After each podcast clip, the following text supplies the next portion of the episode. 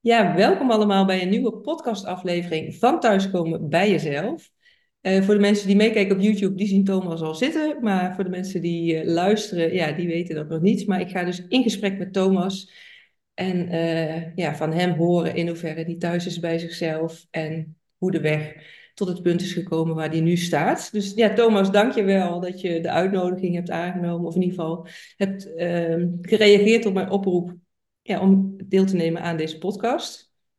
Ja, fijn dat ik hier mag zijn. En uh, ja, ik, ik vertel heel graag mijn verhaal en inspireer er ook graag andere mensen mee die nog misschien wat zoekende zijn naar zichzelf op dit moment. Ja, nou ja, dat is inderdaad waar deze podcast voor is, om mensen te inspireren. Hè, van op het moment dat je, nou ja, daar horen we zo even of dat voor jou ook zo is geweest, maar je hart gaat volgen, wat er dan allemaal op je pad kan komen. En uh, ook om natuurlijk ja, jou ook te laten vertellen wat je nu doet. Omdat dat ja, niet altijd volgens de reguliere uh, weg is, maar dat er meer is te, ja, waar mensen gebruik van kunnen maken. Of van wie mensen gebruik kunnen maken dan uh, alleen maar de reguliere nou ja, uh, stappen, zeg maar. Of dingen die je... Mm. Ja, zou je even kort willen voorstellen wie je bent en wat je doet? Ja, ik ben uh, Thomas, ik ben 37 jaar, getrouwd. Ik heb een uh, zoontje van 8 jaar en de tweede is onderweg, die wordt in augustus geboren, dus spannende tijden. Ja. En ja, ik ben intuïtief uh, business coach. Dus wat het eigenlijk inhoudt is dat ik andere ondernemers eigenlijk help om ja, zoveel mogelijk hun, hun spirituele identiteit en essentie terug te laten komen in hun bedrijf. Ik geloof ja. dat iedere ondernemer een bepaalde zielsmissie heeft meegekregen voordat hij naar de aarde kwam. En ik help eigenlijk uh, ondernemers om dat eigenlijk zo authentiek en puur mogelijk naar de buitenwereld uh, te brengen, zodat de juiste mensen hun weten te vinden. Ja, ja mooi. En mooi om daar dadelijk ook op in te zoomen wat en hoe spiritualiteit dan op je pad is gekomen en of dat altijd een rol in je leven heeft gehad of hoe dat ontstaan is bij jou. De podcast heet Thuiskomen bij jezelf. En eigenlijk na deze vraag die ik net stelde, is de, is de eerstvolgende altijd van, ja, in hoeverre voel jij je op dit moment thuis bij jezelf? Uh, op dit moment voel ik me thuis bij mezelf. Uh, merk ik ook dat als ik bij mezelf observeer dat ik uit balans ben geraakt, dat ik ook makkelijker weer terug kan keren naar mezelf als het ware. Uh, maar besef ik ook dat het een, een ongoing proces is, iedere dag met emoties, met oude overtuigingen, uh, met nou ja, zaken buiten mezelf die me nog steeds gewoon raken.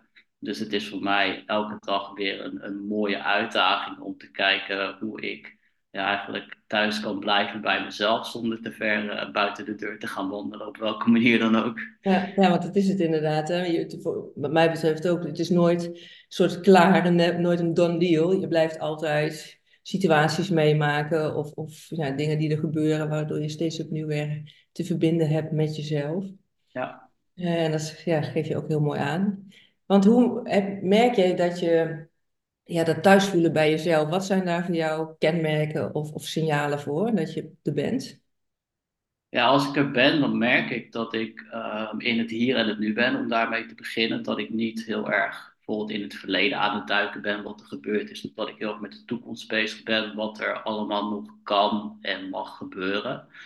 Uh, ik geloof dat het zeker mooi is om soms terug te kijken naar het verleden, om te zien waar je vandaan komt. En ook met de toekomst bezig zijn en plannen te maken, doelen te stellen en intenties uh, uit te zenden. Maar het belangrijkste in het thuiskomen vind ik wel dat je gewoon in het hier en het nu kan zijn. Dat je veilig voelt in je lichaam. Dat je met beide voeten op de aarde staat. En dat je echt contact hebt met je omgeving. Sommige mensen die, die zweven eigenlijk een beetje als het ware. Omdat ze heel erg ja, bezig zijn met het verleden of met de toekomst. En eigenlijk het huidige moment daar heel erg in vergeten.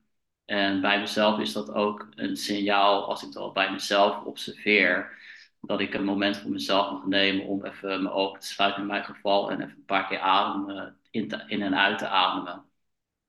Zodat, zodat ik weer wat, wat, wat meer rust en overzicht voor mezelf ervaar. Ja, dus dat je echt even naar binnen keert, hè, door je ogen dicht te doen, is vaak even inderdaad naar binnen kijken, naar binnen keren. Ja. En weer dat contact te maken met jezelf. Ja. Ja, en dus, ik... uh, ja, het is zo verleidelijk om soms steeds naar buiten te willen kijken wat er gebeurt, wat er gezegd wordt, wat er juist niet gebeurt. Dus daarin is het altijd mooi om, om op welk moment dan ook, als je het voelt, om even jezelf even af te sluiten en even naar jezelf uh, terug te keren.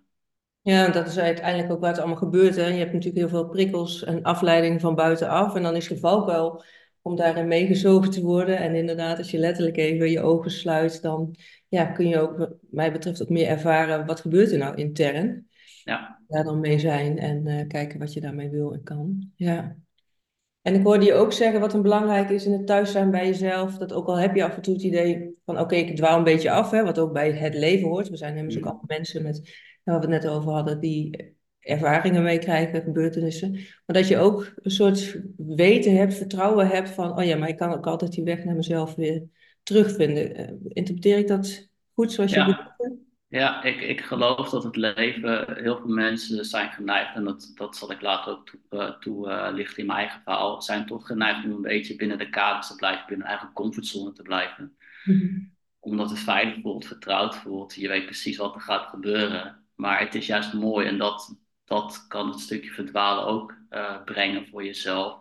Dat je uit je comfortzone gaat en dat je dingen ontdekt over zowel jezelf als over andere mensen die je nooit te weten kan komen als je dus binnen de kaders blijft. Ja. Maar dat het juist aan de andere kant ook weer een mooie uitnodiging is als je merkt van nou, ik ben toch net iets te veel uh, van mijn eigen ja, manier of pad uh, weggewandeld. Dat je altijd weet van oké, ik kan altijd ervoor kiezen om weer terug te wandelen als het ware. En ik weet dat deze ervaring niet uh, mij sowieso wel les heeft gebracht, maar dat het niet is wie ik ben of wat bij me past. Ja klinkt ook een bepaalde mildheid naar jezelf toe. Dat je jezelf niet uh, het. hoe zeg je dat? Ik weet niet of het de goede woorden, maar dat je jezelf ook uitnodigt om. Ja, ik mag ook af en toe even afdwalen. Wat, wat brengt me meer mooie ervaringen dan dat je een soort boos wordt op jezelf van. Oh, het is weer niet gelukt of zo. Precies, want hoe kan je fout van goed onderscheiden als je beide kanten niet hebt ervaren? Ja, ja, ja, het is heel mooi dat je ook juist die ervaringen nodig hebt om weer misschien wel nog dichter bij jezelf te komen, in plaats van in dat veilige te blijven. En ja, ik zeg altijd, daar waar het schuurt gaat het glanzen. Dus ik hou er ook wel van. Ja, ja, mij mag het ook wel schuren. Ook inderdaad, omdat ik ook weet van, oh ja, er is een bepaalde basis waar ik naartoe terug kan. En ja, hoe erg kan het uiteindelijk zijn? ja. Ja, en dan vind ik ook wel heel mooi dat je zegt, het mag schuren. Want soms schuurt het inderdaad, soms dan wringt het. Maar juist dat soort momenten nodig je uit om te kijken wat van, hé, hey, wat gebeurt er? Juist in die momenten van discomfort of, of, of wat dan ook, word je juist geprikkeld, uh, aangemoedigd om iets te veranderen of om iets aan te kijken wat er dus onder zit. Ja, en is dit de manier zoals je nu in het leven staat, hè, wat je net ook deelt, is dat iets wat je eh, zo van jongs af aan ook hebt meegekregen om stil te staan bij jezelf, in verbinding te zijn met jezelf? Hoe is dat voor jou geweest?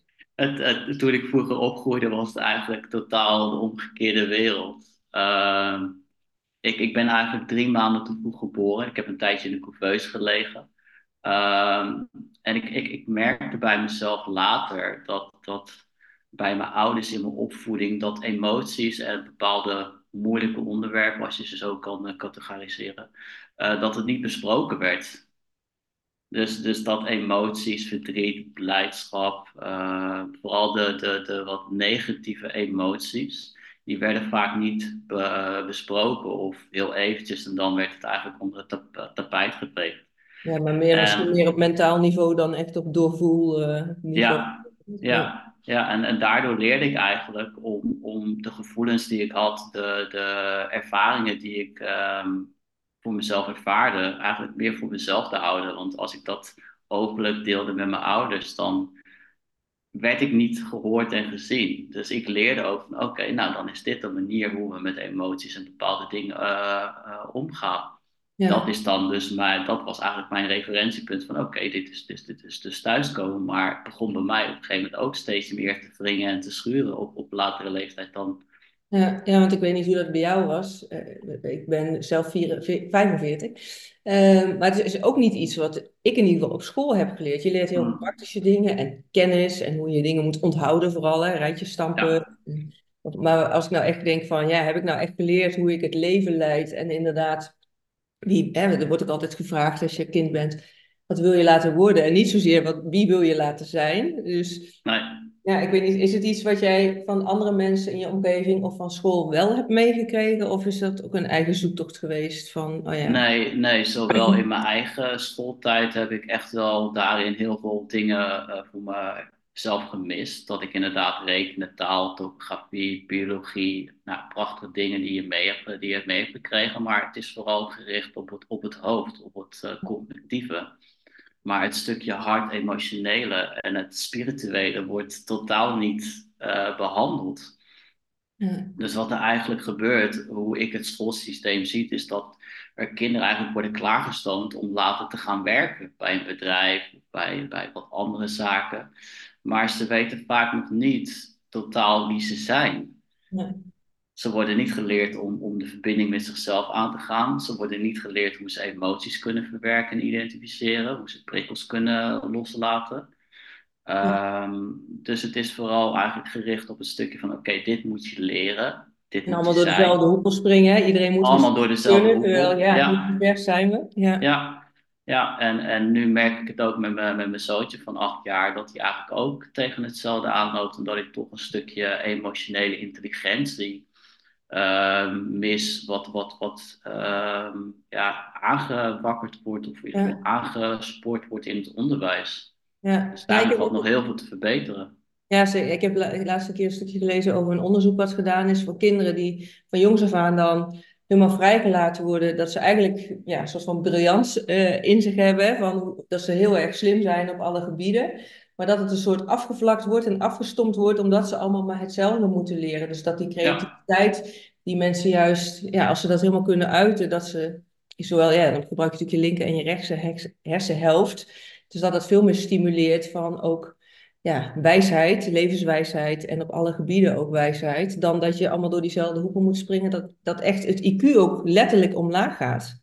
Ja. Dus ja, vond ik wel echt een eye-opener dat ik denk, jeetje, waar zijn we toch mee, bezig met z'n allen door iedereen dat zo, uh, ja, nou ja, ik zeg, door diezelfde hoepel te laten springen, terwijl je mensen echt afvlakt in hun zijn en in hun intelligentie, emotioneel en, en qua kennis, ja. Ja, maar als je, als je kijkt door de, door de honderden jaren heen, zijn er gewoon heel veel dingen zijn verbeterd, verder ontwikkeld. Uh, je, je, hebt de nieuwste telefoons, televisies, uh, noem het maar op. Het wordt allemaal beter, slimmer, zuiniger.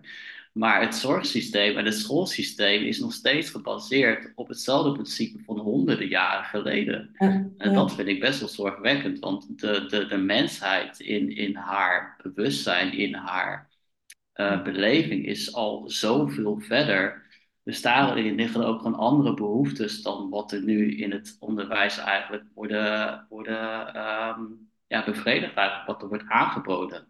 Ja, en hoe ga je, want je, je zei, hè, je bent al ouder van, van een kindje van acht en er komt er één aan. Hoe, hoe ga jij daar dan mee om? ja, ik, ik probeer vanuit mijn opvoeding, mijn filosofie en, en de ervaring die ik eigenlijk heb geleerd om zoveel mogelijk open te, te praten met, me, met mijn zoontje over emoties, over prikkels, over bepaalde dingen die er gebeuren. Maar wat voor mij de eye-opener is geweest, is dat ik ook heel veel van hem kan leren. Omdat hij nog zo puur en open in het leven staat en zo uh, ongefilterd naar de, naar de wereld eigenlijk kijkt. En ik eigenlijk ook niet het gevoel heb dat ik hem al te veel wil leren. Maar dat ik hem ook vooral de vrijheid wil geven om zelf te ontdekken wat wel en niet bij hem past. natuurlijk kan ik dingen met hem meegeven die ik zelf heb geleerd. Maar heb ik vooral geleerd om hem die vrijheid te geven om zelf te ontdekken. En ook weer een stukje fout, fouten te maken. Uh, dingen uit te proberen. Nou, soms gaat het wel goed, soms gaat het niet goed. Een beetje dat sturen waar we het in het begin over hadden, dat hij dat ook ja. mag ervaren en daarvan mag leren, in plaats van dat het allemaal een soort van voorgekoud aangeboden wordt van zo is het. Ja, ja. en met mijn zoontje probeer ik ook gewoon regelmatig te mediteren, in welke vorm dan ook. Gewoon te laten kennismaken als je overprikkeld bent, als je met bepaalde emoties zit. Vooral na een schooldag en zit hij gewoon helemaal tot aan zijn plafond, zit hij vol met indrukken en, en, en een klas van 30 kinderen die om hem heen springen, vliegen en, uh, rennen. Ja. ja, dan nemen we altijd even een momentje voor onszelf om even te mediteren. En dan merk ik ook van oké, ja, je bent er weer, je zakt weer. Want er wordt, er wordt zo ontiegelijk veel gevraagd van de kinderen. Ze, ze zitten ongeveer bijna net zoveel op school als dat wij als volwassen mensen werken per week. Ja. En aan het einde van de rit stilzitten? Of in ieder geval, merk ik stilzitten. op die leeftijd al begint hè? Ja. Ja, en aan het einde van de rit merk je ook dat heel veel kinderen, heel veel tieners ook tegen bepaalde problemen aanlopen. Het, het aantal tieners met, met burn-out depressies. Uh, ik las laatst een artikel van een meisje van 14 jaar, die had dan een burn-out en een depressie. Ik denk van jeetje, Mina, wat, wat gebeurt hier? Ja, ja. Dus ja, dat is. hoe Uh, leggen we als maatschappij de lat? Hè? En dan ook nog onderling met, nou ja, op jongere leeftijd steeds meer met social media, denk ik, in aanraking komen. Hè, dat het ook waarschijnlijk bij een ander altijd echt perfect uitziet. Maar ja, wat er echt speelt, dat weet je dan vaak niet. Maar dat is dan wel de meetlat waar die kinderen zich tegen afzetten. Ja, en daarom is het belangrijk dat we kinderen eigenlijk vanaf van een vroege leeftijd eigenlijk al leren hoe ze, hoe ze eigenlijk thuis kunnen komen bij zichzelf. Ja, ja. Ja, dat uh, beaam ik helemaal, uh, dat dat uh, wel meer mag. Gelukkig, nou ja, er zit wel een kentering in, heb ik het idee, maar ja, dat mag natuurlijk veel sneller, want er is, is zo'n schoolsysteem en zorgsysteem, wat nog zo gebaseerd is op alles wat ja, ooit was, dat, nou, er mag wel wat in gebeuren. Maar gelukkig zijn er, ja, net als jij ook heel bewust mee bezig en kan je in ieder geval vanuit de thuisbasis al meer meegeven. Dus dat is al een heel verschil dan met zoals wij het in ieder geval hebben meegemaakt, als ik het zo hoor. Ja, zeker. Ja. zeker. Ja, en hoe is jouw reis geweest? Ook, want we hadden het net even over, ja, hè, kinderen worden over het algemeen klaargestoomd in, om te gaan werken. Um, hoe is dat bij jou gegaan? Heb, heb jij een studie gekozen, een opleiding gekozen waarvan je echt dacht, oh ja, dit vind ik echt leuk? Of meer omdat je dacht, nou ja, ik weet het niet, dus ik kies maar dit? Ja, vroeger um, voelde ik me heel erg aangetrokken tot dieren. En dat heb ik nu nog steeds. Ik, ik vond vroeger, dat zeg ik eerlijk, vond ik dieren leuker dan mensen. Want dieren waren altijd eerlijk en oprecht. En je wist precies wat ze aan je hadden. En ze gaven gewoon onvoorwaardelijke liefde zonder er iets voor terug te vragen. Dus eigenlijk als, als, als jong persoon was ik eigenlijk al dol op dieren. En kwamen ze ook vaak naar mij toe. Uh, voelden ze dat het, dat het veilig was voor mij. Dat, uh, dat ze mij konden vertrouwen. Uh, dus toen ik eigenlijk mijn middelbare school eigenlijk afsloot, um, op mijn, op mijn zestiende, dacht ik eigenlijk van ja, wat, wat, wat ga ik nou eigenlijk doen? Ik had nog totaal geen idee wie ik was, welke kant ik op wou. Uh, ik wou vroeger wou heel graag dierenarts worden, omdat ik dus graag uh, voor dieren wou zijn en ze eigenlijk ook beter wou maken. Want ik kon het niet hebben dat ze ziek werden en dat ze doodgingen. Dat vond ik super zielig. Dus ik wou als jong kind wou ik eigenlijk heel graag dieren gaan helpen. En uh, ben ik op mijn zestiende begonnen met een, uh, met een mbo-studie uh, dierverzorging. maar kwam ik er eigenlijk later achter dat er voor mij ehm, een hele lange pad klaar lag om dus ook echt dierenarts te gaan worden. Dan zou ik waarschijnlijk op deze leeftijd die ik nu heb ongeveer van de school afkomen. Ik denk van, nou ja, dat, dat zie ik ook niet zitten. Uh, dus toen dacht ik ook van, ja, wat, wat, wat, ga ik dan doen? Dus toen ben ik eigenlijk de, de logistiek ingerold. Heb ik voor, Echt iets uh, heel anders. Iets, iets heel anders. Uh, maar dat was eigenlijk ook omdat ik nog geen richting in mijn leven ehm, duidelijk voelde. Dus toen dacht ik, nou ja, totdat ik die richting heb gevonden, ga ik mijn werken tussendoor. Kan ik een beetje een eigen basis opbouwen. Ja. Maar, en eigenlijk ja, gekozen waarvan je op dat moment wist of dacht van, oh, daar is in ieder geval werk in. Daar is in ieder geval werk in. Het is niet dat mijn hart riep van, nou ja, we gaan in een magazijn werken. Um, maar het, het, het, grappige is, is dat bij mijn opleiding zeiden ze van de mensen die later niet met dieren gaan werken, die gaan met mensen werken. Nou, in mijn geval is dat echt perfect uitgekomen. Ja. Um, en ook in, in, in de ja, logistieke carrière, noem ik het maar, die ik heb gehad, merkte ik ook wel dat mensen eigenlijk, net als met dieren vroeger, eigenlijk naar me toe kwamen en bepaalde dingen gingen toevertrouwen, gingen delen met mij, waarvan ik denk, wow, dit is best wel uh, intiem en persoonlijk wat je nu tegen mij vertelt. En ja, toen merkte ik eigenlijk ook wel dat daarin een stukje passie uh, hard lag voor mij om, om mensen die ruimte te bieden om alles te kunnen delen wat ze wouden delen, maar ook concrete uh, tips en handvaten mee te geven hoe ze dat konden, konden veranderen voor zichzelf. Er staat al wel een coachingselement in, dat je zegt, ja. Nou, tips en tools mee te geven. Ja. Ja. ja. ja, op een gegeven moment was ik ook meer bezig met andere mensen te praten dan met het werk zelf. ja, maar dan voelde je dus wel aan vanuit jezelf van, oh ja, maar dit vind ik en leuk en dan krijg ik misschien wel energie van als ik het dan even voor je mag invullen. Ja. Dit is echt, ja, dat je op die manier ontdekt waar je hart dus blijkbaar ligt. Ja, ja. ja, daar uh, lag zeker mijn hart. En ja, op een gegeven moment merkte ik ook dat, dat het steeds meer begon te wringen. Um, bij het werk waar waar ik was, maar ook persoonlijk begon het steeds meer te wringen. Want in mijn jeugd, uh, op, op jonge leeftijd, maar op latere leeftijd, wist ik niet zo goed hoe ik mijn emoties moest, uh, moest uiten. Uh, wie ik eigenlijk was in essentie en wat ik wou. Um, dus het was voor mij eigenlijk een beetje een tweezijdig, uh, tweezijdig zwaard eigenlijk. Want uh, als ik met andere mensen bezig was, hoefde ik ook niet met mezelf bezig te zijn. Ja, dat is wel een herkenbare valkuil, denk ik, bij uh, meerdere ook wel. Hè? Ja. Ja, ja, maar aan de andere kant lag er ook oprecht een, een, een passie om mensen te helpen, maar was het ook een soort van mechanisme. Oké, okay, ik ga lekker die andere mensen helpen, ik ga lekker voor andere mensen zelf ja. klaarstaan. Dan hoef ik het zelf niet te, te doen bij mezelf, ja. terwijl daar natuurlijk bij begint. Ja, en ook wel bijzonder dat je het inderdaad voor een ander dan wel vaak weet, hè? Van met, je zei al tips en handvatten geven, terwijl je ja. zelf die basis helemaal niet zo hebt meegekregen. Nee, nee, maar wat ik ook, ook um, nu steeds meer herken en, en me opvalt, is dat eigenlijk in, in de coaching sessies, in, in de klanten die ik krijg, dat eigenlijk elk stukje advies, en misschien herken je dat zelf ook, dat het ook voor een gedeelte op jezelf slaat. Ja, ja, ik zeg sowieso altijd, je bent je eigen instrument. Dus het is Ja, heel erg belangrijk dat je weet ook hoe het voor jezelf werkt. En ook dat, ja, wat je, hè, bij mij getriggerd wordt, of wat ik zie gebeuren bij de ander. Omdat, ja, is het van die ander of is het van mij? Want ja, je bent altijd een spiegel van elkaar. En inderdaad zijn vaak parallelprocessen. Dat je wat je bij de een ziet, is vaak ook iets waar je zelf mee eh, bezig bent of mee bezig mag. Of eh, ja, ja, soortgelijke thema's. Ja. Ja, en hoe is die reis dan voor jou geweest? Want dan zit je in die logistieke wereld, je merkt van, oh ja, ik, ga, ik word je wel heel blij van om andere mensen hierin bij te staan. Waarbij je ook zegt van, ja, maar dat stukje, hè, dat, of dat zei ik dat heb je niet zozeer van jezelf meegekregen, maar je zegt, ook, ja, dat, ergens heb je dat wel nodig om dat ook te gaan ontdekken. Hoe is dat voor Mm. jou geweest toen? Hoe ben je daarmee bezig gegaan?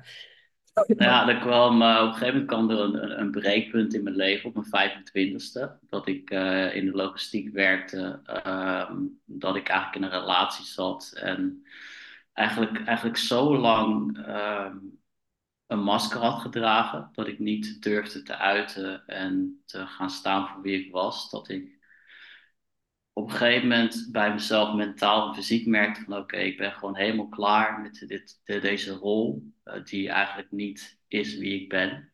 En wat merkte je bij jezelf? Wat waren voor jou signalen dat je de, ja, daar Ah, nou, ik, ik had in de, in de, in de jaren had ik eigenlijk heel veel ehm, ja, verslavingen eigenlijk aange- aangenomen om te helpen overleven. Eh, ik had heel veel, keek heel veel naar, naar, naar pornografie en dat soort dingen om maar niet te hoeven voelen. Mhm. En op een gegeven moment begon dat echt wel ja, negatieve effecten te hebben. Begon ik steeds meer negatieve gedachten te hebben, negatieve gevoelens te hebben. Ehm, ik eh, dissocieerde me ook heel erg van, van mijn omgeving. Eh, ik zat eigenlijk in mijn, in mijn eigen wereldje. En ook signalen van, van anderen, dat mensen dat ze bij jou zagen gebeuren, dat ze zich zorgen ja, bijvoorbeeld. ja, ja, er waren heel veel mensen die op de deur aan het bonzen waren van ja, Thomas, eh, het gaat niet goed met jou. Maar ja, ik hield die deur eigenlijk heel erg pot Ja. dicht, want ik wist dat als die deur eenmaal open ging, dat eigenlijk ook al die emoties en al die andere dingen die eh, in mij speelden, dat die ook naar buiten zouden komen. En daar was ik eigenlijk het, het meeste bang voor. Ja, en Eh, wat, zat daaronder, denk je, die angst? Wat was het? Want dat het dan naar buiten komt, dat is één, maar wat was het dan waar je bang voor was dat er zou gebeuren? Ja, ik, ik ben te vroeg geboren als, als baby en ik heb eigenlijk ook op het randje van de dood eh, geleefd, zowel bij mijn geboorte als later in de couveuse. Dus voor mij was het eigenlijk een, een, een oude angst om, om dood te gaan als ik dus al die emoties zou voelen. En een stukje afwijzing vanuit mijn omgeving.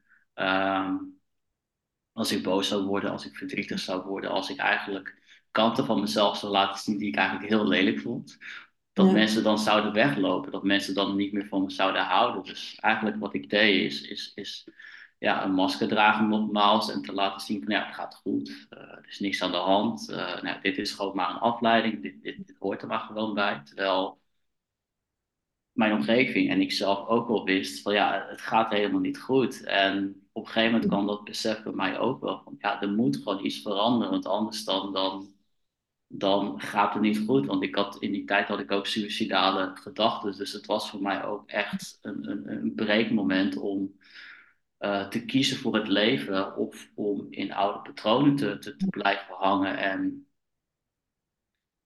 op een gegeven moment kwam ik dus op het moment van ja, ik heb hulp nodig. Nou, ja. dat, is, dat is eigenlijk de eerste stap, maar ook een hele moeilijke stap om voor jezelf toe te geven. Nou, het gaat eigenlijk niet zo goed en ik heb hulp nodig van andere mensen. Uh, toen ben ik eigenlijk eerst naar het GGZ gegaan. Van, nou jongens, ik, ik, voel me heel erg depressief, ik heb uh, suicidale gedachten, uh, ik, ik, voel me gewoon niet lekker in mijn vel. Kunnen jullie me alsjeblieft helpen? En ik ben toen in therapie gegaan. Uh, ik heb ook medicijnen gekregen. Uh, mijn, Sorry? Wat voor medicijnen heb je gekregen? Antidepressiva? Uh, Concerta. Concerta heb ik oh. gekregen. Want ze hadden, bij mij hadden ze een, gecombineerd type van ADD, ADHD vastgesteld. En ja, ik had eigenlijk, uh, nou, een mens heeft gemiddeld 20.000 gedachten per dag. En nou, die van mij waren uh, vooral negatief. Uh, maar toen ik die concerten eigenlijk ging slikken, merkte ik bijna geen gedachten meer, ook geen gevoelens meer. Dus ik werd heel erg afgevlakt door die medicijnen. En samen met de therapie eigenlijk, die heel erg ja, gericht is op een stukje praten, op een stukje analyse, merkte ik eigenlijk dat ik steeds weer in mijn hoofd kwam. En op een gegeven moment weet ik ook nog wel een gesprek met een, met een psycholoog, waarin ik dus ook deelde van, nou jongens, um, als ik met bepaalde vragen zit, um, als ik vragen stel, dan heb ik het gevoel dat ik antwoorden krijg in de vorm van tekens uit het universum. Dus dat ik dan bijvoorbeeld op Facebook ga, dat ik dan een quote zie of een liedje zie of iemand zegt wat en ik van, oh, dat is precies het antwoord wat ik um, heb gevraagd op een vraag. Ja. En nou, toen weet ik dus nog heel goed dat ze dus opschreven, nou, schizofrenie. Oh, Diegene die hoort stemmen of die ziet dingen om zich heen die niet bestaan. Finale. Ja, ja, dus toen, dat vond ik best wel heftig, dat er zo snel een, een, een label werd geplakt op, op, op, iets wat ik uitte. En toen... Want even, voordat we het snel, want wat maakte dat jij het bestempelde als inderdaad signalen? Wat maakte dat dat voor jou zo voelde? Weet je dat nog? Uh, ja, dat, dat, dat weet ik nog. Ik merkte dat, dat um, ik steeds meer de linken kon leggen. Um, ik, ik had in dat, in, dat, in dat moment dat ik om hulp vroeg, uh, had ik ook echt letterlijk nou ja, op, mijn, op mijn dieptepunt gevraagd: Nou jongens, uh, als er een universum, als er een God is, help me alsjeblieft. Ik kan het niet alleen. En nou ja, naast dat ik naar het GGZ ging, merkte ik ook dat er andere mensen op mijn pad kwamen die ook door gelijk uh, waardige ervaringen waren gegaan. Ja. En mij dus konden, konden helpen daarin, ervoor me konden zijn. En zeggen van ja, Je konden wel uitleggen. Gek. Ja, voor jou wat het ja.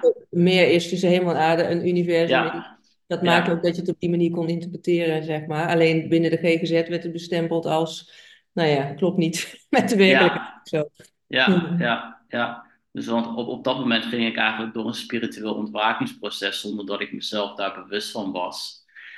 En ja, merkte ik dus dat er bepaalde mensen op mijn pad kwamen, dat ik ook uh, bepaalde boodschappen, teksten, liedjes op, uh, op, op, mijn, ja, in mijn realiteit noem ik het altijd, um, tegenkwam, die dus mij een stukje verder hielpen. En toen ik dat dus probeerde uit te leggen aan het GGZ, ja, toen, toen merkte ik gewoon dat hun vanuit hun perspectief er eigenlijk gelijk een, een diagnose aan, aan wouden stellen. En zeggen: Oké, dit is de diagnose, dit zijn de symptomen, dit zijn de, de medicijnen die je krijgt en dit is de therapie om dus datgene wat je ervaart zoveel mogelijk uh, af te vlakken weer. Ja, want hoe was het überhaupt voor jou om dat te ervaren? Was het iets waar je bang voor was? Of was het juist iets waar je je door gesteund voelde? Of hoe, hoe was dat ontwakingsproces voor jou? Beide. Het was aan de ene kant was het angstaanjagend, want ik had het ook als klein kind, dat ik, uh, dat ik uh, emoties van andere mensen voelde, dat ik contact kon maken met uh, overleden dierbaren. In die tijd was het eigenlijk weer andersom. Um, dus voor mij was het eigenlijk aan de ene kant heel ondersteunend, omdat ik voelde dat er heel veel om me heen was wat echt oprecht probeerde te helpen. Uh, maar ik merkte ook dat het tegelijkertijd me heel erg bang maakte, omdat ik niet precies wist wat het was en wat ik ermee aan moest en hoe ik het eigenlijk moest sturen voor mezelf, hoe ik het kon gebruiken. En dat het ook op een bepaalde manier bestempeld werd, kan ik me voorstellen. Ja. Dat je dan toch misschien gaat twijfelen ja. van, oh ja, maar wat is het dan? Want je hoort verschillende ideeën daarover, van verschillende hoeken uit, zeg maar. Ja, ja, vanuit mijn ouders werd het in eerste instantie niet begrepen en niet geaccepteerd. En ook, ook later en nu nog steeds soms in de maatschappij wordt het natuurlijk als iets ja, geks gezien. Als, als iets wat, wat niet tastbaar of niet, ehm, ja, wat niet, niet waardevol is. Terwijl het, het juist voor mij heel waardevol en heel veel inzichten kan geven als je daarvoor voor open staat. Maar in die tijd ehm, merkte ik eigenlijk allebei dat het zowel heel ondersteunend was als dat het me heel erg bang maakte, omdat het iets heel erg onbekends voor me was. Ja. ja. En je had dus en zowel mensen in je omgeving, waar je zei, die komen steeds meer, kwamen steeds meer op je pad, die je daar uitleg over konden geven, maar daar zat ook dat contrast in van, ook het GGZ-stuk, die zeiden van, ja, maar dit klopt niet met de realiteit. Dus ik kan me voorstellen dat je echt een soort van verscheurd bent van, ja, welke kant dan op? Of wat zegt dat dan? Ja, ja, ja, ja ik, ik voelde wel vanuit het gevoel van, oké, dit, dit, is, dit is niet wat ik wil vanuit het GGZ. Dus ik heb toen ook ja, vrij rigoureus gezegd van, nou jongens, ik breng de medicijnen terug naar de apotheek. Ik, uh, ik stop met de therapie en ik ga eigenlijk verder met die andere mensen in gesprek. En ik ga, ga starten met, met meditatie, uh, wat ik toen deed. En wat heeft jou daarin eh, geholpen om die beslissing te nemen? Want dat is dan best wel een rigoureuze beslissing, zo klinkt het in ieder geval. Mm. Maar blijkbaar ergens wel ja, weten, voelend weten, dat dat de stap was die je te zetten had of zo. Ja, het, het is eigenlijk voor mij, ik, ik voelde het eigenlijk al. Van, ja, dit, is, dit, is, dit is een mooie ervaring geweest hoe het voor mij niet uh, hoort te gaan. Ja.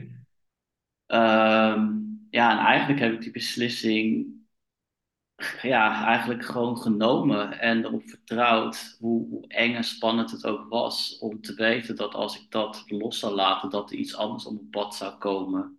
Uh, wat mij verder zou helpen. Want kort daarna kwam ik eigenlijk via die mensen die ik toen leerde kennen in, in contact met, met, met meditatie, mindfulness. Mm. En ontdekte ik eigenlijk dat meditatie voor mij heel erg uh, hielp om ja, die rust in mezelf weer terug te vinden, maar ook om uh, de emoties op een, op een goede manier aan te kijken zonder ze weg te stoppen.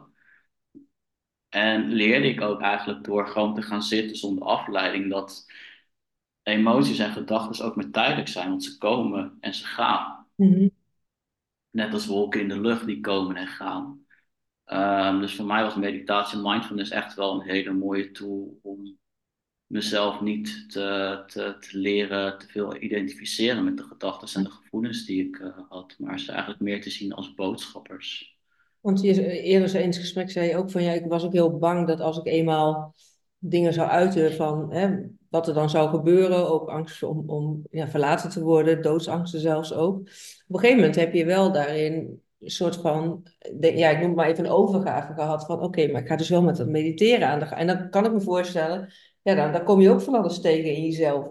Ja, ja, ja de eerste paar weken. Van, de eerste paar weken van de, toen ik begon met meditatie, toen, toen ervaarde ik eigenlijk dat de gedachten en de gevoelens die ik had erger werden. En ja, dat vond ik in het begin best wel confronterend. Maar aan de andere kant kon ik het ook wel begrijpen. Want ik was eigenlijk gewend om, om steeds maar die afleiding op te zoeken. Steeds maar die, die, uh, die emoties en die gedachten uit de weg te gaan. Ja, en als er geen afleiding is, als er niks is wat je, wat je op dat moment uh, afleidt, dan ja, kom je echt letterlijk met jezelf te zitten, alle delen, alle gevoelens en alle gedachten. Uh, dus de, eerste paar weken waren best wel pittig. Want ik, ik merkte voor mezelf dat het, dat het intens werd. Maar toen ik dat eigenlijk toeliet en dacht van, oh, hey, ik ben er nog, ik ben niet dood en, en ik ben veilig en uh, ik ben nog steeds dezelfde persoon. Ja, toen merkte ik dat ik het steeds meer kon toelaten en dat er beetje bij beetje steeds meer rust kwam. En ja, dat eigenlijk na een maand um, voor mij een doorbraak kwam. Dat ik, het was maar een paar seconden in meditatie, maar ik voelde totaal geen gedachten, ik voelde totaal geen emotie, ik voelde alleen maar rust en overgave. En toen merkte ik bij mezelf, oké, dit werkt echt. Ja. Dus het is ook voor jou geweest een kwestie van ergens ook misschien wel van, oh ja, ik weet, ik mag hier doorheen gaan om tot dat punt van rust te komen. Want wat heeft jou daarin geholpen? Waren dat mensen die je daarin begeleid hebben van hoe dat dan werkte? Of was het een soort innerlijk weten dat je hier doorheen had te gaan? Want nog, het blijft ja, spannend, kan ik me zo voorstellen. Het is ook weer een keuze van ga je hier dan mee door of ga je dan toch, toch weer terug naar het oude en jij besloot om door te gaan. Maar wat heeft jou daarin ja, geholpen of, of wat heeft dat gemaakt? Ja, vooral het, het contact met andere mensen die er ook mee bezig waren. En ook het stukje ook weer fouten durven maken. Want in het begin, toen het, tot toen het vrij intens voor mij voelde, heb ik ook op sommige momenten heel boos het meditatiekussentje weer de hoek in gegooid. En ja, laat me zitten, het werkt niet. Ja. En toen daarna ben ik er weer mee verder gegaan. En heb ik ook gewoon toegelaten van oké, ik mag boos worden, ik mag ongeduldig voelen, ik mag fouten gaan, ik mag weer even terugvallen. Maar ik weet dat ik daar niet hoef te blijven. Ik weet dat ik vooruit mag gaan. Ja. En ja, door ook vooral eh, een stukje zelfdiscipline toe te passen. eh, eigenlijk naarheen wou bewegen, hoe ik me wou voelen en wat ik wou gaan, gaan doen in de toekomst. Samen met het contact met mensen die eigenlijk daar ook mee bezig waren. Want dat is gewoon heel belangrijk, dat je ook omringd bent met mensen die ja, met hetzelfde bezig zijn en staan waar jij wilt staan. Of staan waar jij nu staat, waarvan je Waarom is dat belangrijk? Waarom zeg je inde- inderdaad, man kan er van alles bij bedenken hoor, maar wat maakt het voor jou belangrijk? Nou ja, ehm, ze zeggen dat de vijf belangrijkste mensen in je leven eigenlijk een, een groot invloed hebben, zo niet alle invloed hebben op hoe jij als, als mens ehm, ja, in de wereld staat. Dus, dus je kan je voorstellen dat als je vijf mensen om je heen hebt staan die helemaal niks doen en gewoon niet, niet alles uit het leven halen, dat jij de zesde persoon wordt. Ja, ja Dus als je, het, de manier zoals zij in het leven staan. Ja, dus, dus als je omringt met mensen die ehm, ja, of staan waar jij wilt staan, of met jou willen meebewegen waar je naartoe wilt, wilt werken, en elkaar blijft ondersteunen, elkaar blij- blijft inspireren, maar ook ehm, elkaar verantwoordelijk houdt van hey, je wilt dit bereiken, dit doel, maar daarvoor moet je wel die en die stappen zetten. Ja. Ja, dat is gewoon heel waardevol. Ja, dat je elkaar daarin ondersteunt om in vertrouwen die stappen te zetten, ook al is het spannend of schuurt het of eh, uit je comfortzone te gaan. Ja, en vooral als het ook even niet goed, dat diegene je ook eventueel door elkaar kan schudden van hé, hey, het is leuk, het is even goed geweest, je bent niet zielig. Ja, Het is ja. tijd om weer even je neus vooruit eh, te, steken en, en aan de slag te gaan. Dus ik geloof daarin zowel een stukje ondersteuning vanuit, vanuit eh, liefde, maar ook een stukje ehm, ja, dat je iemand ook echt wel verantwoordelijk mag houden en soms door elkaar te schudden van hé, hey, jij bent zelf verantwoordelijk voor je Ja. eigen leven. De regie te En- nemen over je leven in plaats van Ja. dat het komt eigenlijk. eh, Ja, en dat heb ik toen eigenlijk ook gedaan, want ik vond mezelf best wel zielig. Nou, ik was depressief, ik had te veel, ik had dit en dit was verkeerd en dat was verkeerd. En ja. Vooral eigenlijk- factoren aanwijzen waarom het allemaal niet ja, goed zou het was, het, het was voornamelijk de schuld van, van iedereen om me heen. Het was de schuld van mijn ouders, het was de schuld van mijn partner toen, het was de schuld van de maatschappij, het was de schuld van de wereld, behalve mijn eigen schuld. Ja. En toen ik ook mijn eigen eh, verantwoordelijkheid en mijn eigen patronen daarin ging aankijken, ja, toen merkte ik ook wel dat het, ja, natuurlijk is het spannend, want je moet ook toegeven dat je zelf fout hebt gemaakt, maar daarin zit ook een stukje kracht en vrijheid, dat je beseft van oké, als ik zelf in deze situatie ben gekomen door keuzes die ik heb gemaakt, kan ik ook andere keuzes gaan maken, waardoor ik wel de situatieschets eh creëer die ik wil creëren. Dus het is, is, Ja. is een heel mooi besef als je dat voor jezelf kan, ehm, kan implementeren. Ja, en je zegt ook al hè, van de keuzes die je dan wil maken. Maar had je op dat moment dan ook al meer helder wat je dan wilde met je leven? Invulling, qua nou ja, hoe je in het leven wilde staan of wat je wilde gaan doen. Hè? Want logistiek, dat was het eigenlijk niet. Dat coachende, daar voelde je al van, daar zit het meer in. Hoe, is dat daar ook verder gaan ontstaan, zeg maar?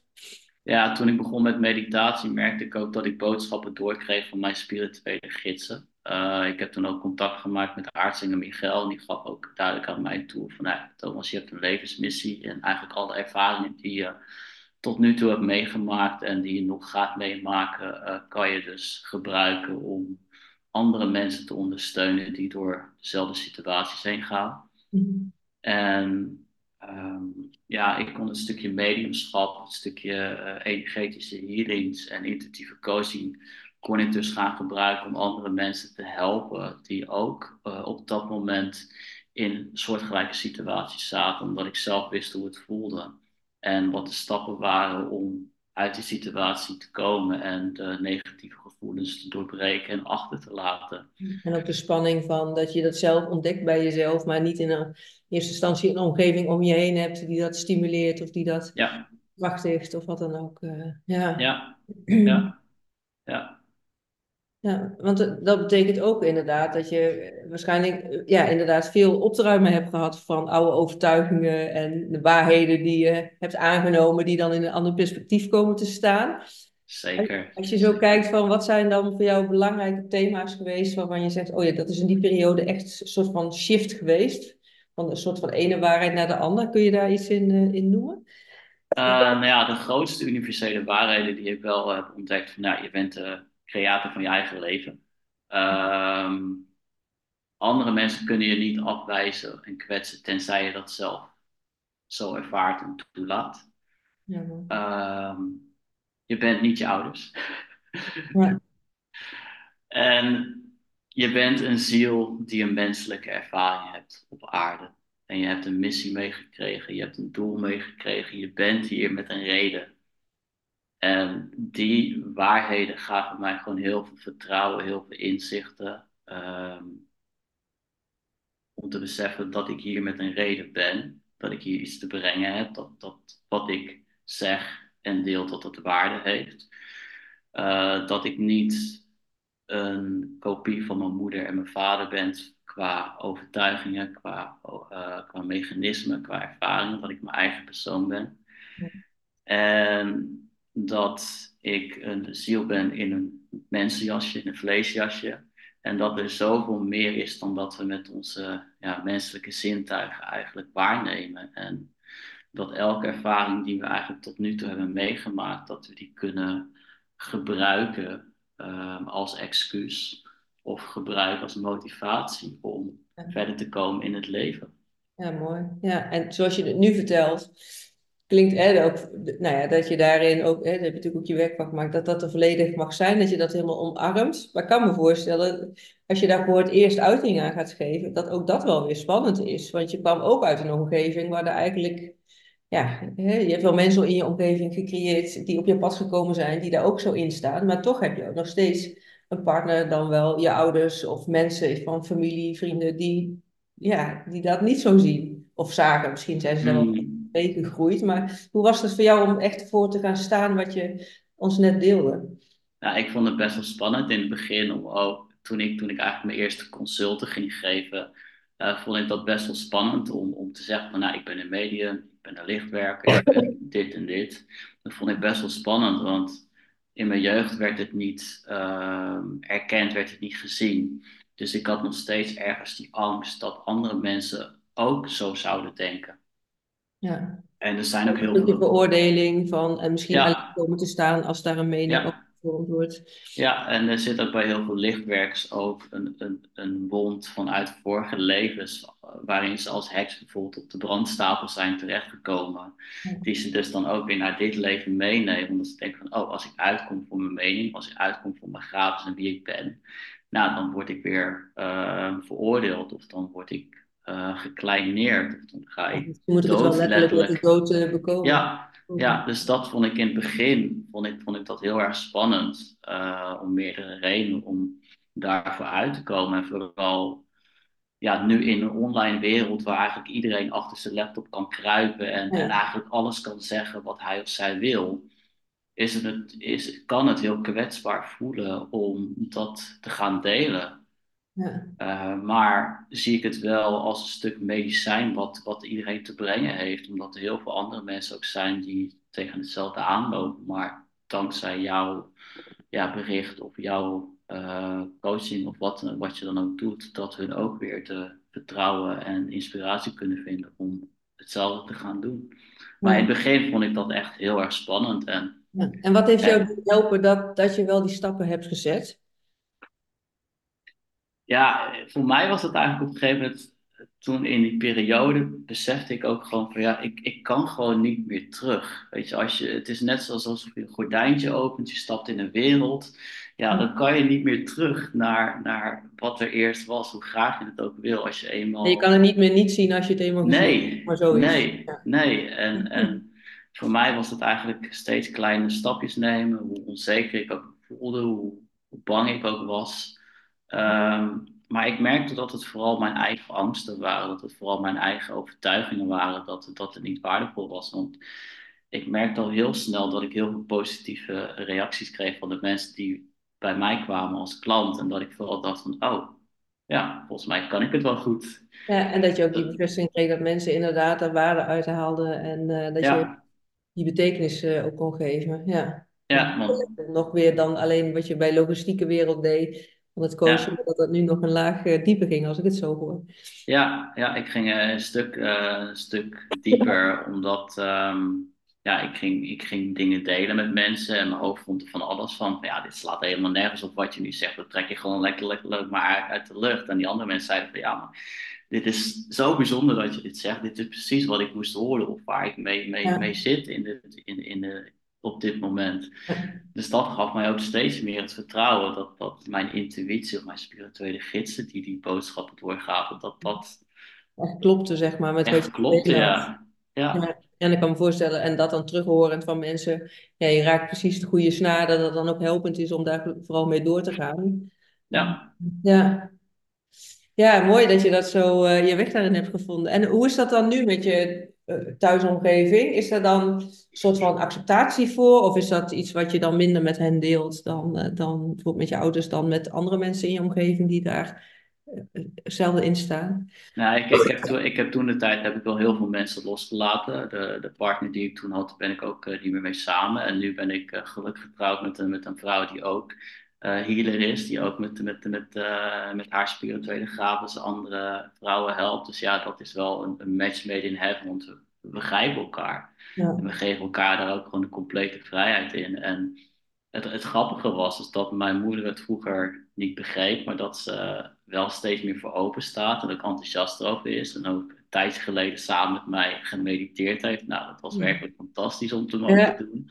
ja Dus, mooi. hè? ik, dus, dus Ja. ik merk ook wel dat, dat mijn omgeving daarin verandert. Maar ik geloof ook wel dat dat komt omdat ik ben veranderd, omdat ik meer mezelf ben gaan accepteren. En Ja. ik geloof daarin ook dat, dat jouw buitenwereld een, een afspiegeling is van jouw binnenwereld. Dus als jij durft thuis te komen bij jezelf, dan zal je merken dat je omgeving daar ook makkelijker in meegaat. En als ze daar niet in meegaan, dat je het ook makkelijker kan accepteren. Van oké, dat is jouw stuk en dat heeft niks Ja. met mij te maken.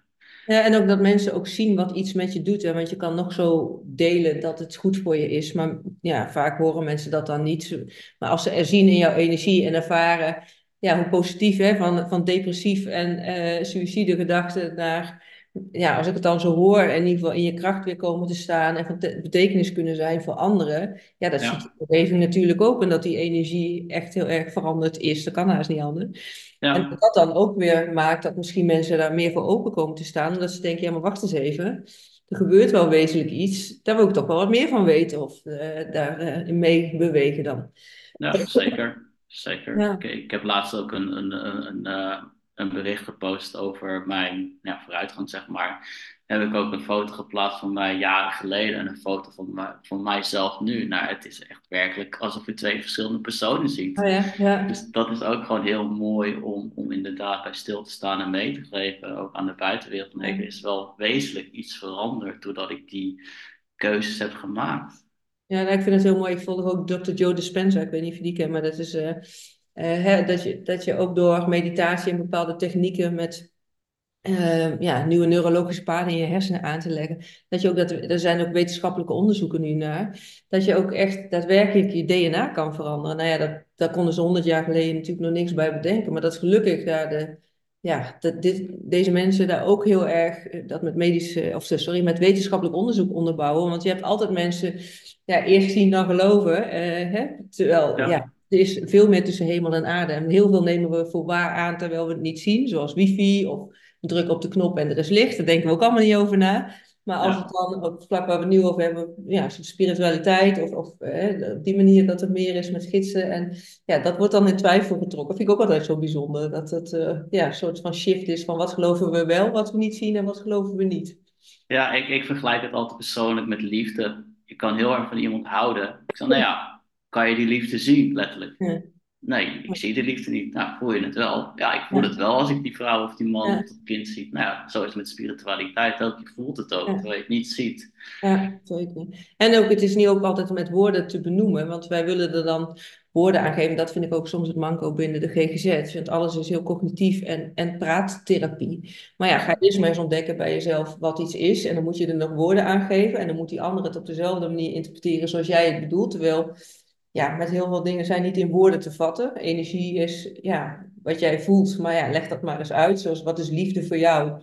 Ja, Ja, je hebt ook verschillende soorten liefde. Ehm, ja, leg het allemaal maar eens uit. Dus soms is het ook vanuit voelend weten van, oh ja, eh, dit is iets wat ik daadwerkelijk doorleef en doorvoel van zo mag het zijn en zo is het. En dat je daar dus ook voor durft te gaan staan zonder dat je het misschien kan uitleggen aan een ander. Ik weet niet of ja. dat iets is wat je herkent of... eh, Ja, absoluut, absoluut. Het is, het, het, het haalt ook een beetje de magie weg. Als je heel erg veel probeert te, te analyseren en te begrijpen. ja, zeker. En ja, het zorgt er ook voor dat je maar één, letterlijk één hersenhelft constant ge- gebruikt. En dat je eigenlijk meer hier zit dan in je volledige lichaam. Ja, en je wijst nou naar je hoofd, hè, voor de mensen die ja, het ja, ja, voor de mensen die eh, geen beeld zien, ik wijs nu naar mijn hoofd, inderdaad.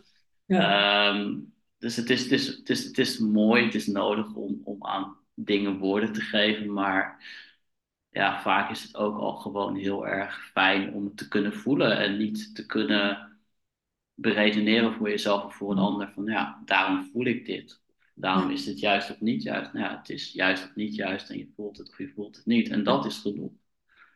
En daar ook mee te experimenteren, wat jij ook deed met van die gidsen die je dan ervaart. En, en dat je daar dus ook in meebeweegt. En dat je hè, daardoor weer feedback van mensen krijgt. Ja, maar wacht eens even, dit is precies wat ik nodig had. En, en ja, hè, wat je me te vertellen hebt. Dus dat je daarmee ook dat spannende opzoekt. Hè, ook voor mensen die kijken dan wel luisteren. Van, oh ja, als je ergens voelt van, hé, hey, hier heb ik wat te doen. Ja, wel, hè, dat je daar dus voor mag gaan staan. En al dan niet met hulp. Ja, mijn Ja, visie is liefst met hulp. Want dan Hè, dan, ja, dan, ga- dan gaat het sneller en ja, je hebt altijd je eigen blinde vlekken en je eigen veiligheidsmechanisme om jezelf klein te houden vanuit overleving, eh, principe. Maar ja, gelukkig zijn er mensen als wij, jij ook, hè, die daar weer mensen in begeleiden om ook dat weer te gaan omarmen en te ontdekken en eh, mee bezig. ja, Ja, want met wat, wie, wat voor mensen werk jij? Je, zegt wel bus- spiritueel business coach, zei je geloof ik. eh, dus dat is ja. business gerelateerd. Ja, ja ik, ik werk eh, vooral met, met bewuste ondernemers die zich dus bewust zijn dat, dat ze meer zijn dan een, een mensenlichaam. Die ook voelen dat ze een zielsmissie hebben eh, hier te volbrengen op aarde. En die heel graag ja, hun gaven, hun zielsmissie willen eh, vormgeven in een bedrijf of al een bedrijf hebben, gevormd naar een zielsmissie. En wat ik, waar, waar ik vooral deze ondernemers mee help, is om hun aanbod, om hun bedrijf en hun content eh, eigenlijk af te stemmen op wie ze zijn als ziel. Mhm. En eventuele overtuigingen uh, die daar zitten, die zorgen voor angst of weerstand, om daarna te gaan kijken van welke angst welke emotie zit daaronder. En hoe kunnen we deze emoties en deze overtuigingen loslaten, zodat je meer jezelf authentiek durft te, te laten zien aan de wereld, zodat je je zielsmissie kan gaan uh, verder uitvoeren. En dat je ook de mensen bereikt die jou, ja, jouw gaven, jouw medicijn eigenlijk het hardste nodig hebben. Ja, want dat is inderdaad, en dat zeg ik ook vaak, het is één, één voor jezelf om het te gaan omarmen en ervoor te staan, maar ook juist voor die ander. Want als jij daar niet voor staat, ja, hoeveel mensen doe je wel niet tekort, omdat ze dan niet met jou bijvoorbeeld kunnen samenwerken of van jouw expertise gebruik kunnen maken. En ja, als je het dan al niet doet alleen voor jezelf, doe het dan ook voor die mensen die eigenlijk op jou zitten te wachten totdat je opstaat. Uh, en dat is in jouw geval ook, als jij dit niet omarmd had, omarmd had ja, hoeveel mensen je dan weer niet verder had kunnen helpen. Ja, absoluut. Dat, dat Ja. geloof ik ook uh, ja, volledig. Ja. ja, mooi. Ja, dankjewel ook voor je verhaal hierin, in de reis die je zo hebt afgelegd. En uh, waar kunnen mensen jou vinden ook? In, uh, stel nou dat ze horen en, en meer van je willen weten of met je willen samenwerken. Ja, ik, ik ben te vinden op de bekende social media kanalen, Facebook, Instagram, LinkedIn onder Thomas Korpel en mijn bedrijfspagina Aligned Living op Facebook. En ja, via mijn website www.alignedliving.energy kunnen ze ook wat meer uh, teruglezen over mijn verhaal. Uh, maar ook het aanbod wat ik heb voor, uh, voor bewuste ondernemers en hoe ik ze kan ondersteunen. Ja, nou ik zal in ieder geval de gegevens allemaal ook even in de show notes van de podcast zetten. Dus als mensen dit horen en denken van hé, hey, ik wil met Thomas in contact komen, dan kun je het ook daar nog, nog even terugvinden. Zijn er nog dingen, Thomas, waarvan je zegt, oh, dat hebben we te weinig uh, genoemd, of ik wil nog iets meegeven aan kijker dan wel luisteraar? Is er nog iets wat gezegd mag worden? Ja, de, aller, de allerbelangrijkste boodschap die we ook in deze podcast hebben, hebben besproken, maar die echt ook niet vaak genoeg herhaald kan worden, is luister naar je hart, luister naar je intuïtie. En volg die ook, hoe spannend het ook misschien voelt. Maar hoe snel je hoofd er ook mee aan de haal gaat. Hè? Ga altijd Precies. weer even maar wat was nou initieel wat tot me kwam. Ja. ja. Ja, dus dat inderdaad de uitnodiging. Luister naar je hart, sta ervoor open. En ja, kijk maar wat, hè, wat je brengt. Want jij had tien jaar geleden waarschijnlijk ook niet kunnen bedenken dat je nu dit werk zou doen. Überhaupt niet van het bestaan misschien wel wist. Ja, nee, dat had ik me niet kunnen voorstellen. En dat had ook niet, ik had hier ook niet gezeten als ik die calling, als ik het stukje intuïtie ook niet had gevolgd. Nee, en ook niet met zo'n grote glimlach op je gezicht gestaan. Want, nee, ja, absoluut. Dat was wel een andere fase in je leven wat je toen uh, ervaarde. Ja. ja, absoluut. Ja, dus daarin is ook om het leven weer te omarmen, maar hiervoor te gaan, je hart te volgen, maar dat je daarmee ook echt weer, ja, gewoon eh, vol energie het leven door kan. Hè, juist door die schuring uh, aan te gaan en het aan te kijken. En ja. Mooi, dankjewel voor het delen. Dankjewel dat ik hier aanwezig was zijn. Ja, nou, ik uh, nodig de mensen die geluisterd hebben, dan wel gekeken hebben, ook vooral uit om uh, even ons te laten weten wat je uit deze aflevering hebt gehaald. Hè? Want ik denk dat ik voor ons beiden wel mag spreken dat we dat ontzettend leuk vinden en waardevol ook om dat terug te horen. En uh, ja, deel ook vooral deze podcast op social media, zodat we samen nog een groter bereik hebben. Hè? Dus tag ons of uh, geef deze podcast een review. Want hoe meer mensen we hiermee bereiken, ja, hoe, uh, hoe mooier het is. Er is veel meer uh, ja, mogelijk om met mensen samen te werken, om weer in je kracht te komen dan als je alleen maar de reguliere paden bewandelt. En dat is toch wel waar mensen in eerste instantie vaak heen gaan. Hè? We hebben bepaalde klachten, we zitten niet lekker in ons vel, je gaat naar de huisarts. En je komt dan wel bij de psycholoog of in een, nou ja, hè, waar dan ook terecht binnen de GGZ. Terwijl ik denk, ja, het gaat erom dat je echt met jezelf aan de slag gaat en niet met symptoombestrijding of dat je weer een stempeltje krijgt en uh, ja, nog meer gaat vertwijfelen aan jezelf. Dus nou ja, laat deze aflevering daar ook een bijdrage in zijn uh, met jouw verhaal, Thomas. Dat je ook meer hebt kunnen laten zien van wat er nog meer allemaal mogelijk is. Ja, dan dank ik iedereen voor het kijken en het luisteren. En uh, sluit ik even af zoals ik altijd doe van. Heb een heel mooie, mooie dag en vooral een heel mooi leven. En tot de volgende aflevering.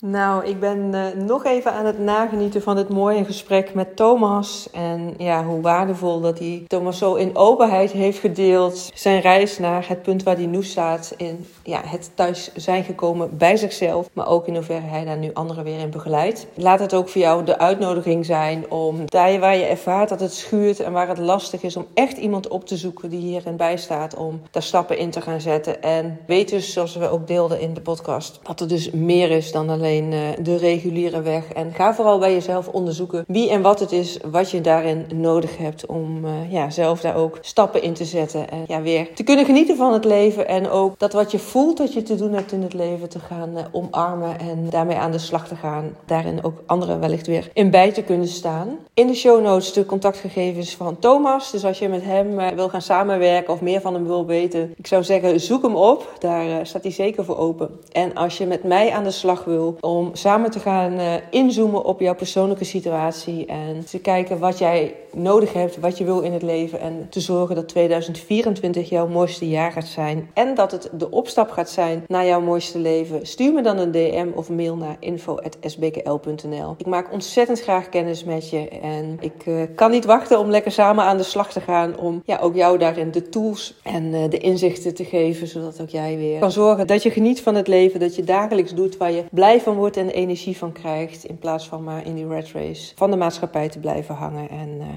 vast te zitten in oude overtuigingen, oude waarheden. Ik breng je graag een ander perspectief zodat je daar met een andere bril de wereld in kan kijken. En ben je nou nieuwsgierig naar wat ik daar precies mee bedoel, dan uh, stuur me ook even een berichtje, want ik ga er ontzettend graag met je over in gesprek. Omdat ik uh, echt wel voel dat hier nog heel veel te doen is om mensen hiermee uh, te bereiken en inzichten te laten geven en stappen te gaan laten zetten in vertrouwen. Hoe lastig het soms ook is om ja, dat het kan schuren vanwege je omgeving misschien die er anders in staat. Weet dat alles gezegd kan worden in samenwerking met mij, dat ik nergens van sta te kijken en dat graag met je het licht werp op alles waar jij mee bezig gaat in het leven. Ik wens je wederom een hele mooie dag en een heel mooi leven toe. En uh, tot een volgende aflevering.